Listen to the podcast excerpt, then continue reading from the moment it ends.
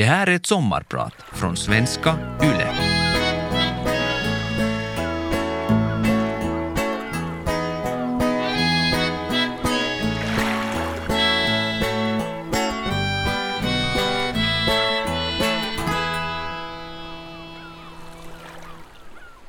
Vi lever i en tid full av ångest, då många är rädda eller nervösa. Varje dag publicerar vi i media hundratals nyheter som kan väcka oro. Jag har själv varit med och godkänt otaliga rubriker som berättar om riktiga hemskheter i världen. Det är mycket vi är rädda för, redan innan vi ens sätter igång med de dagliga nyheterna. Vi är rädda för att bli ensamma, sjuka, gamla eller allmänt misslyckade. Vi söker trygghet på alla möjliga sätt, privat och kollektivt. Vi ska ha försäkring, larmsystem, hjälm, munskydd och NATO-medlemskap för Finland. Inget ska kännas farligt. Vi ska minimera risker, alla risker. Men det går inte. Man kan och ska vara rimligt försiktig. Men sen kan man också vara orimligt ångestfylld och stressad. Det har jag varit under perioder av mitt liv. Så rädd att jag nästan glömde att leva. Allt började när min lillebror inte svarade i telefonen. En solig vårdag för 20 år sedan. Jag ringde och ringde och ringde. Och till slut nådde jag inte fram. Hans batteri hade tagit slut. Han svarade aldrig. Och det fanns inget för mig att göra. Jag heter Erja Ylajärvi. Jag är chefredaktör på Hufvudstadsbladet och idag är jag din sommarpratare. Jag kommer att prata om rädsla.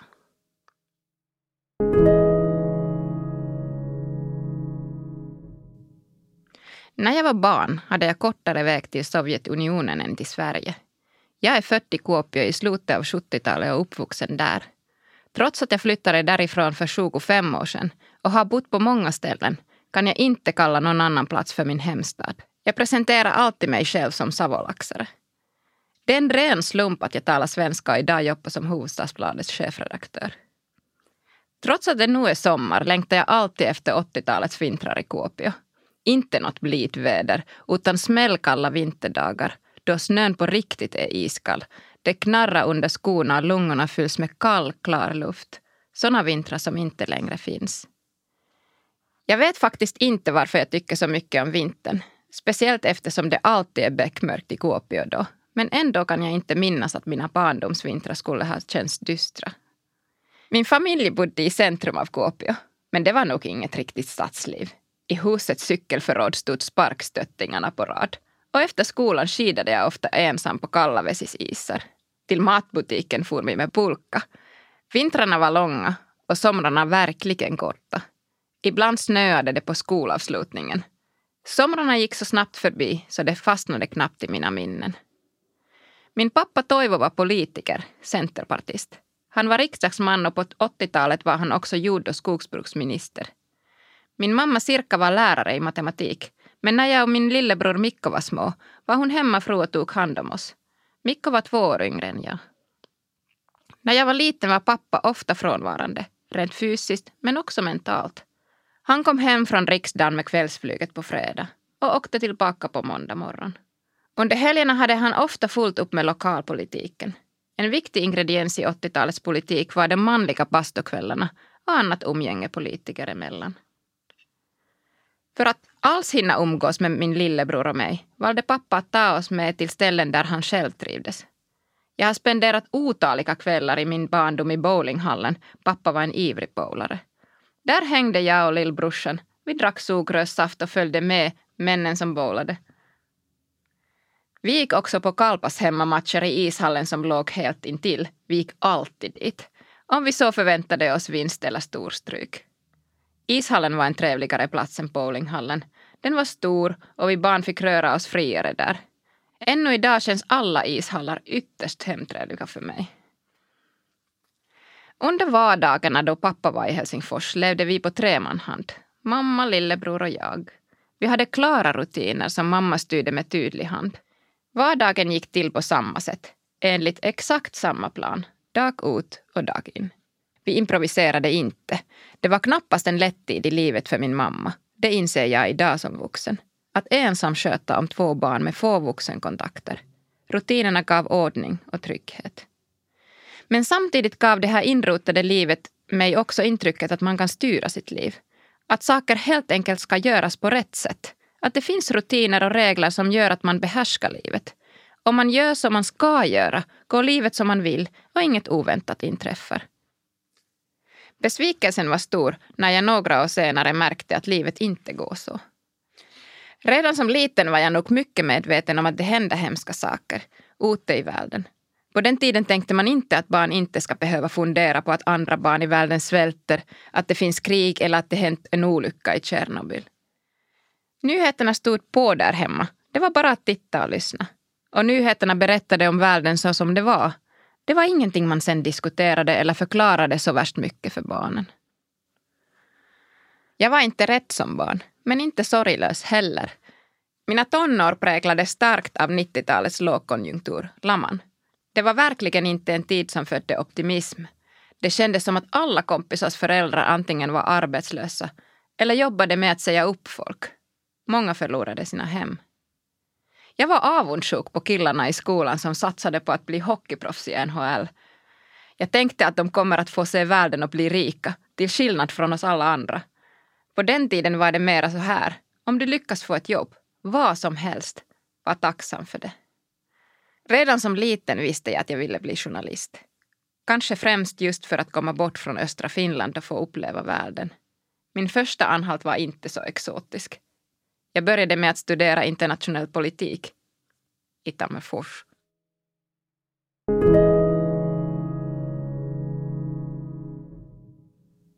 Det är april 2002. Jag befinner mig i den palestinska staden Jenin på Västbanken. Jag är 25 år gammal, jobbar som utrikesjournalist, precis som jag drömde om redan som barn. Jag har kommit hit för att se hur en sönderbombad fattig stad ser ut. Lokalbefolkningen tycker säkert att dagen är sval, men jag tycker förstås det är hett. Och dammigt. Det är damm precis överallt. Små grävmaskiner hjälper de desperata människorna i det hopplösa letandet efter de som har dött. En självmordsbombare hemma från Jenin har sprängt sig själv och många andra i luften i Israel. Israels hämnd är monumental. Jag ser den rakt framför mig. Efter mina studier fick jag jobb som utrikesreporter på tidningen Keskisuomalainen i Jyväskylä.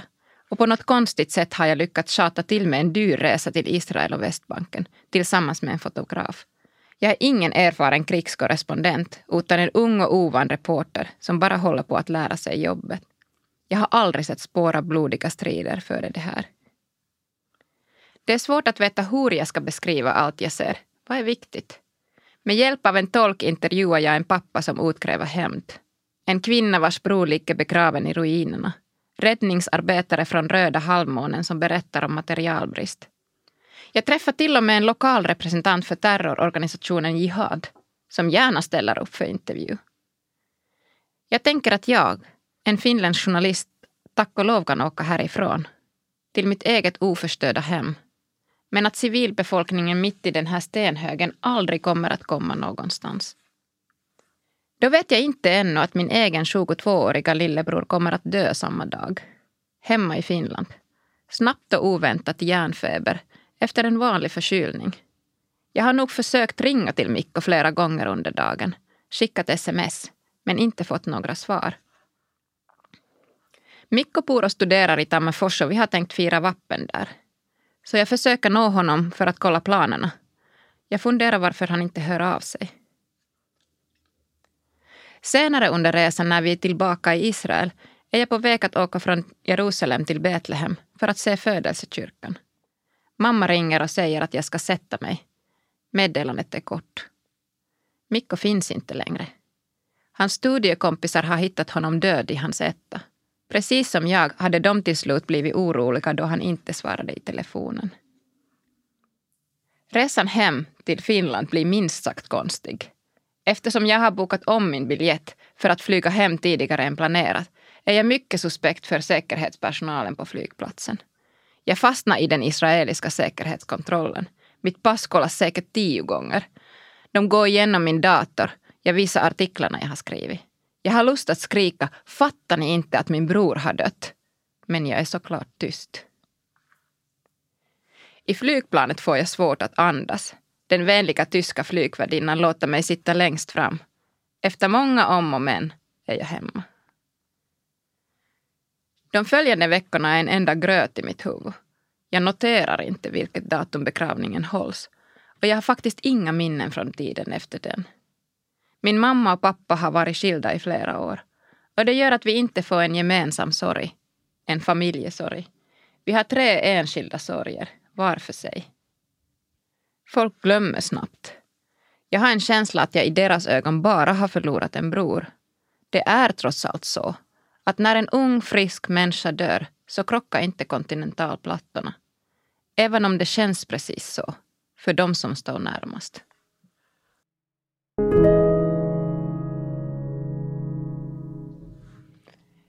Mina upplevelser den där våren för 20 år sedan, då min lillebror dog helt oväntat, var förstås traumatiska. Men det är också helt klart att jag inte var med om något unikt eller oerhört. Många av oss förlorar helt oväntat våra nära och kära. Och många möter sorger och förluster som är ännu större än det här. Ibland till och med flera förluster på en gång. Men jag var ung och uppvuxen i ett tryggt och fredligt land. Och jag levde i den godtrogna, friska människans illusion att livet går att styra och kontrollera. Så var det förstås inte, insåg jag nog. Mycket tydligt. På det sättet förändrades nog mitt liv för alltid den våren. Först flyttar allt på och vardagen fortsätter. Jag börjar studera igen, vid EU-högskolan i Brücke i Belgien. En av mina lärare är Alexander Stubb, så på den tiden ännu var ganska okänd. Jag stannar i Belgien. För ett par år efter min brors död anställs jag som korrespondent i Bryssel för nyhetsbyrån STT. Det är mitt drömjobb som 28-åring. Jag får följa med internationell politik från nära håll. Vid sidan av EU håller jag koll på Nato som också har sitt högkvarter i Bryssel. Jag får många internationella kollegor men framför allt får jag resa. Det är ännu en stund också ekonomiskt en bra tid för den finländska journalistiken och jag får resa kors och tvärs över hela Europa. Nästan så mycket som jag bara vill och orkar. Samtidigt blir jag i vardagen konstigt rädd och orolig. Det smyger sig på, sakta men säkert, och nästan omärkbart. Ett lätt obehag och liksom ångest, också om jag inte riktigt har ord för det. Det påverkar inte mitt arbete och jag tror inte att någon i min närhet märker något. Jag är noggrann och pålitlig och hemmaredaktionen vet det. Utåt sett lever jag det perfekta karriärlivet. Men allt oftare börjar jag tänka, tänk om det igen händer något hemskt. Inte fanns det ju någonting som sa att det skulle hända förra gången heller. Ändå hände det. Varför skulle det då inte kunna hända igen? Det går väl inte att lita på världens godhet, att allt går bra. Min vanligaste rädsla blir att det ska hända något med min dåvarande partner. Att han ska bli överkörd eller hamna i en trafikolycka. Jag har ingen idé om varifrån just den rädslan kom. Det finns ingen rationell förklaring till det. Men just det där, att en bil helt enkelt kan köra över honom, känns plötsligt mycket möjligt i mitt huvud. Jag är ofta genuint rädd för det.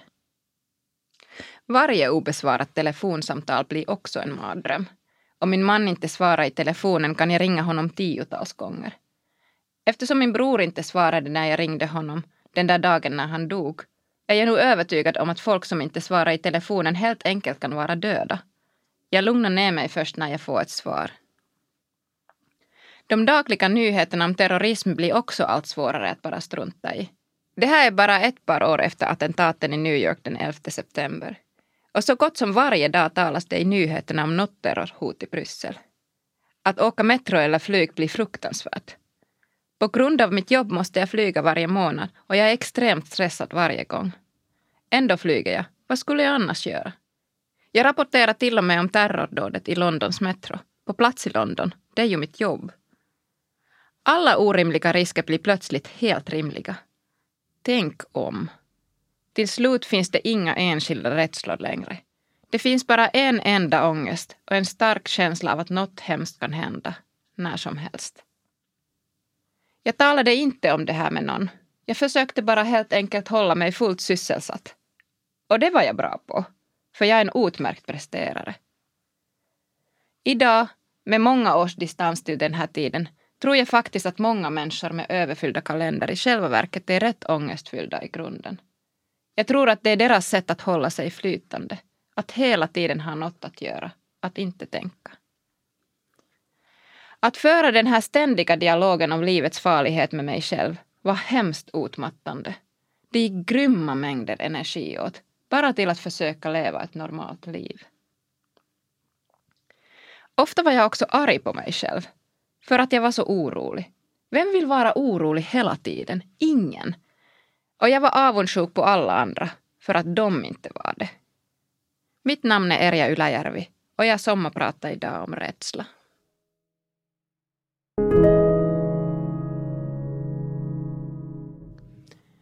I stadsdelen Saint-Jos i Bryssel finns inga diplomatkvarter.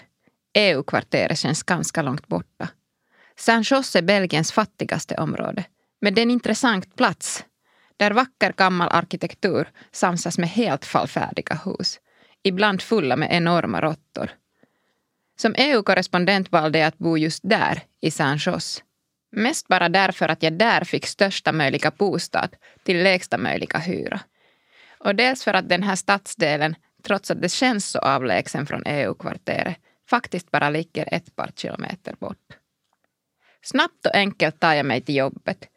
Gatan där jag bor är livligt trafikerad och huset är ett typiskt smalt europeiskt cityhus. Varje våning består av en enda lägenhet. Jag bor i fjärde våningen. På bottenvåningen finns ett apotek. En kväll när jag tagit metron hem märker jag att dörren mot gatan står öppen. Det brukar den inte göra. Nå, det är kanske inget att hänga upp sig på. Utedörren är ändå i ganska dålig skick. Den kan närmast knuffas in, fast den är låst. Det finns ingen hiss i huset så jag börjar som vanligt gå upp för de smala trapporna till min lägenhet. I trapporna möter jag två män på väg ner. Artigt säger de bonsoir, god kväll. Jag svarar lika artigt och fortsätter uppåt. Då inser jag att också dörren till min egen lägenhet står öppen. Och först då fattar jag att det har varit inbrott i mitt hem. Mina saker och kläder är slängda hit och dit. Men tack och lov äger jag nästan inga värdefulla saker. Trots det har nog tjuvarna hittat saker att ta med sig. Jag minns exakt vad de stal eftersom listan på stulna föremål är så konstig. En elektronisk personvåg, mina nya springskor, en öppnad parfymflaska och min tvärflöjt som jag hade spelat med på Mikkos begravning. Mitt finländska pass och mitt belgiska personkort är kvar. Trots att just de säkert hade gett ett bättre pris i gatuhandeln än de konstiga saker som männen valde att ta.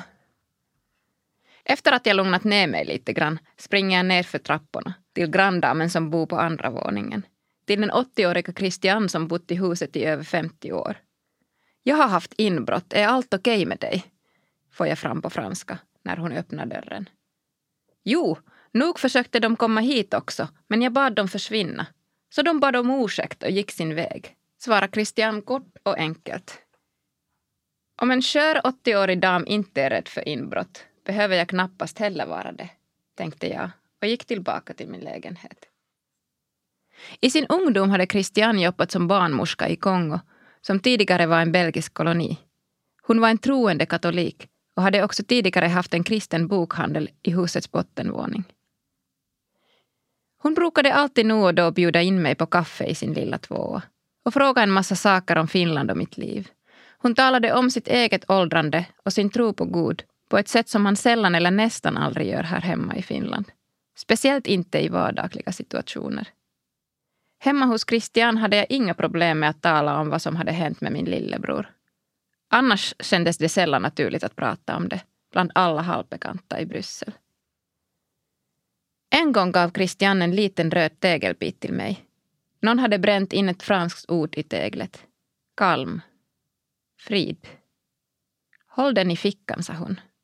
Jag har fortfarande kvar den där tegelbiten. Under årens lopp har jag ofta funderat på varför vi i Finland så sällan pratar om det som är heligt för oss. De allra flesta av oss har trots allt någon form av tro på någonting. Något som är större än vi själva.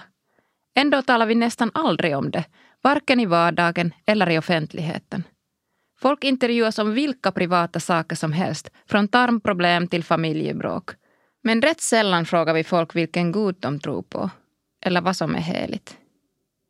Det är kanske därför vi känner oss så ensamma när livet på riktigt blir svårt.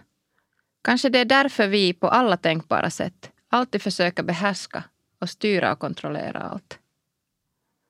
Kanske det är därför vi tror att allt alltid är fast i oss själva. Jag har alltid trott på något som är större än bara jag. Jag tänker att vi har fått livet som en gåva. Vi har våra liv en kort stund och när som helst kan den stunden ta slut. Men jag förstår överhuvudtaget inte varför just jag har fått alla de här åren och alla de här chanserna medan Mikko inte fick det. Och jag vet ärligt sagt inte heller vad jag ska göra med alla möjligheter som jag fått. Jag hade så gärna träffat Christian igen efter att jag flyttat hem till Finland. Men när jag hälsade på i Bryssel några år senare fanns hennes namn inte längre kvar på dörren.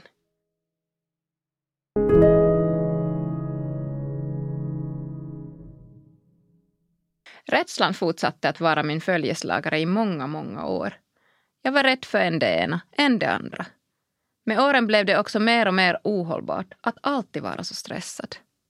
Jag minns att jag satt hemma vid köksbordet och tänkte att jag inte orkar vara rädd och ha ångest resten av mitt liv. Att jag inte har fått det här livet för att jag ska sitta här och oroa mig för saker som troligtvis aldrig kommer att hända. Jag bestämde mig då att långsamt försöka göra mig av med rädslan. Det finns ju förstås ingen magi som kan trolla bort sådant. Och tro mig, jag har läst en nästan skrattretande mängd self-help-böcker om ångest och oro och provat precis allt. Men ändå är optimism något som man faktiskt kan träna fram. Det gäller bara att öva. Det har varit tungt och det har gått långsamt och ofta utan större framgångar. Det som hjälpte mig mest var helt små saker. När katastroftankarna började rusa påminde jag mig själv om att det inte heller igår hände något hemskt. Eller förra veckan. Och att också idag kommer nog allt att bli som det är meningen. Så småningom blev faktiskt min oro mindre. Inte försvinner rädslan helt. Men jag har ändå blivit bättre på att gå omvägar kring den. Om mina barn idag inte svarar i telefonen när jag ringer tänker jag inte längre direkt på det värsta. Många gånger har jag tänkt att det är en evig tur att sociala medier inte fanns på den tiden som min rädsla var som värst. Och nyhetsmedia publicerade inte lika många skrämmande och hotfulla nyheter dygnet runt. I alla fall hade vi inte nyheterna ständigt i våra telefoner. Det var kanske lättare att säga till sig själv på den tiden att just idag kommer det nog inte att hända någon katastrof. Jag har jobbat med nyheter i mer än 20 år och för varje år blir jag mer övertygad om att ingen borde läsa, lyssna eller titta för mycket på nyheter. Att följa med sådär lagom räcker mer än väl. Det är alltid mycket lättare att få folk att läsa eller titta på negativa och hotande nyheter jämfört med positiva. Det är bara kalla fakta. Och bevis för det här får man enkelt idag när vi har en massa olika digitala verktyg för att följa med vad våra läsare klickar på. Vi människor verkar nog bara vara byggda så. Vi letar efter faror och risker, ofta helt omedvetet. Det är förstås helt omöjligt att säga att folk inte får läsa eller titta på vad de vill. Om de vill läsa om coronakrig eller cancer dygnet runt, så gör de det. Men att konsumera nyheter överdrivet mycket, dag efter dag, gör inte gott för någon av oss. Om man sitter i sin ensamhet och bara läser om världens grymheter på sin lilla skärm blir man antingen oroad eller bara cynisk. Jag tror att den enda medicinen mot det här är att träffa riktiga människor och bara göra helt vardagliga, vanliga saker istället. När kriget i Ukraina bröt ut i februari satt jag den första veckan med telefonen i handen mer eller mindre dygnet runt. Jag följde konstant med vad som hände i kriget. Det var omöjligt att låta bli. Jag var knappast ensam om det beteendet. Till sist sa jag till familjen där hemma att nu får det här ständiga scrollandet ta ett slut. Annars blir jag galen. Det är faktiskt ingen enskild människas uppgift att sitta och följa med precis allt som händer i ett krig. Jag tvingade mig själv att läcka telefonen åt sidan. Men snart satt jag där igen med apparaten i handen. Helt automatiskt. Det är svårt att sluta. Naturligtvis är det viktigt att följa med vad som händer i världen. Men att maniskt följa med och iaktta utan att agera gör ingen nytta. Det att man själv blir stressad eller på dåligt humör, det förbättrar inte världen eller livet för en enda person. Som journalist och chef har jag funderat mycket på vilket ansvar media har för folks rädsla. Och sett i backspegeln tycker jag till exempel inte att media skulle ha behövt följa coronapandemin så intensivt och så länge, precis varenda dag. Nog skulle informationen om viruset och alla risker ändå ha nått fram. Det var många andra viktiga ämnen som drunknade i det nyhetsflödet. Många viktiga diskussioner som inte blev förda.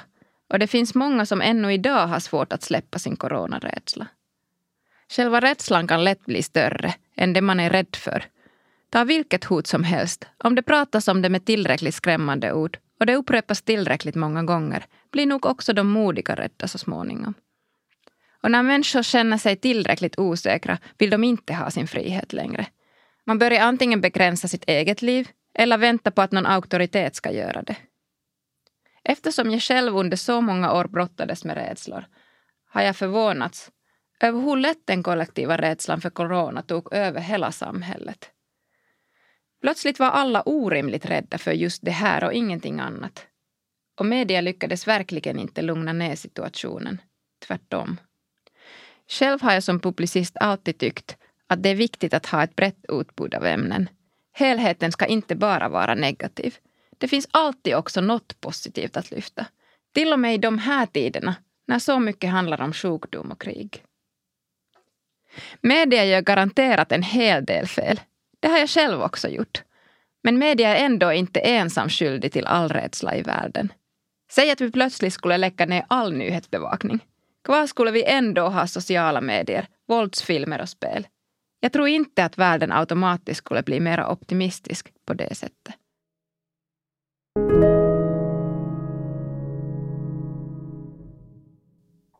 Trots att jag som privatperson under perioder har varit rädd för det mesta så har jag antagligen varit relativt orädd som journalist. Kanske det är därför jag blev chefredaktör. Först för Iltalehti och sen ett år tillbaka för Hufvudstadsbladet. Jag har aldrig funderat på vad som är passande eller opassande att fråga eller göra. Att ställa frågor till politiker eller makthavare är inte besvärligt för mig och jag frågar aldrig saker av artighet. Kanske det har att göra med min pappas jobb, att han i min barndom var politiker. Jag är inte imponerad av makt eller titlar. Jag har alltid förhållit mig på samma sätt till alla jag intervjuar. Om ingen utmanar makten eller vågar ifrågasätta den föds alltid maktmissbruk. I de värsta och minst fungerande strukturerna frågar ingen längre någonting. År 2008 fick jag åka iväg och bevaka Natos toppmöte i Rumänien. Det hölls i den förra diktatorn Nikolaus Ceausescus palats i Bukarest. Palatset är ofattbart stort och fult. Och stämningen där är fruktansvärt angstig. Det är sällan som bara en byggnad kan ge en obehag genom märg och ben. Men det får man där. Palatset är som ett museum över storhetsvansinne med alla sina glänsade krumelurer från kommunisttiden. Under toppmötet sa NATO-länderna nej till Ukrainas och Georgiens drömmar om snabba medlemskap i NATO. Jag förstod naturligtvis inte just då hur aktuell den frågan skulle vara ännu idag, 14 år senare. På den tiden var det nog ingen som brydde sig så värst mycket om Ukraina. Ukrainas och Georgiens NATO-drömmar i motvind, skrev jag i en av mina artiklar. Och det här, av NATO-länderna varnar speciellt Tyskland för att inte rätta upp Ryssland. I toppmötets slutprotokoll skrevs det in en politisk formulering som gjorde det möjligt för Ukraina och Georgien att bli medlemmar någon gång i en obestämd framtid. Det retade naturligtvis upp Ryssland.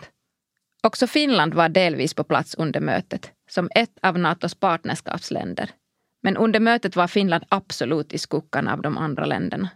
President Tarja Halonen hade inte så mycket av nyhetsvärde att säga. Finland var ju inget NATO-land.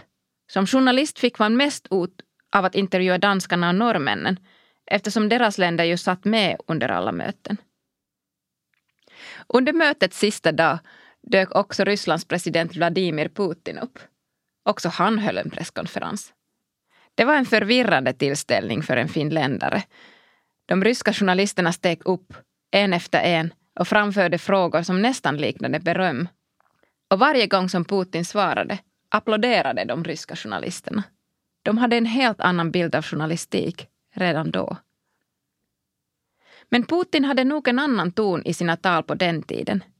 Visserligen klagade han på Nato och dess planer, men hans ordval var ändå fredligare jämfört med det helt paranoida sättet att uttrycka sig idag. Säkert tänkte han på samma sätt som han gör idag, redan på den tiden. Men då låtsades han i alla fall diskutera med andra, speciellt med USA.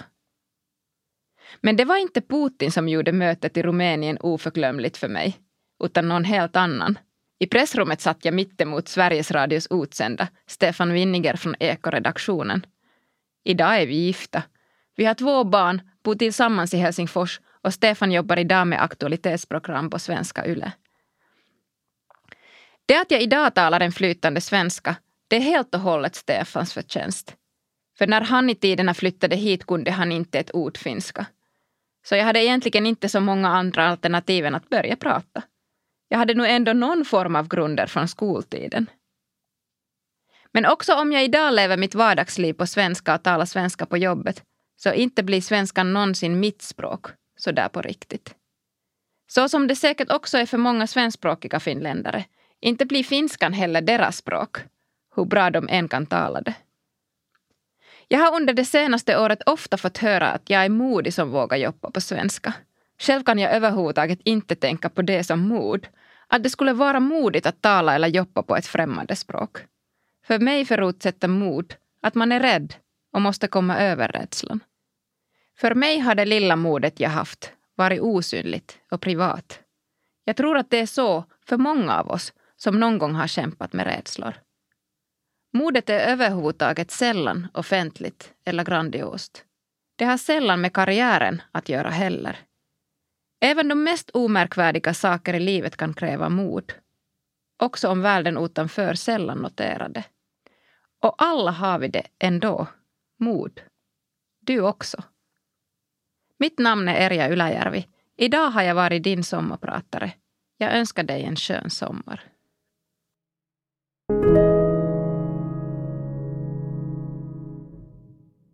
Vegas sommarpratare produceras för Svenska Yle av Parad Media.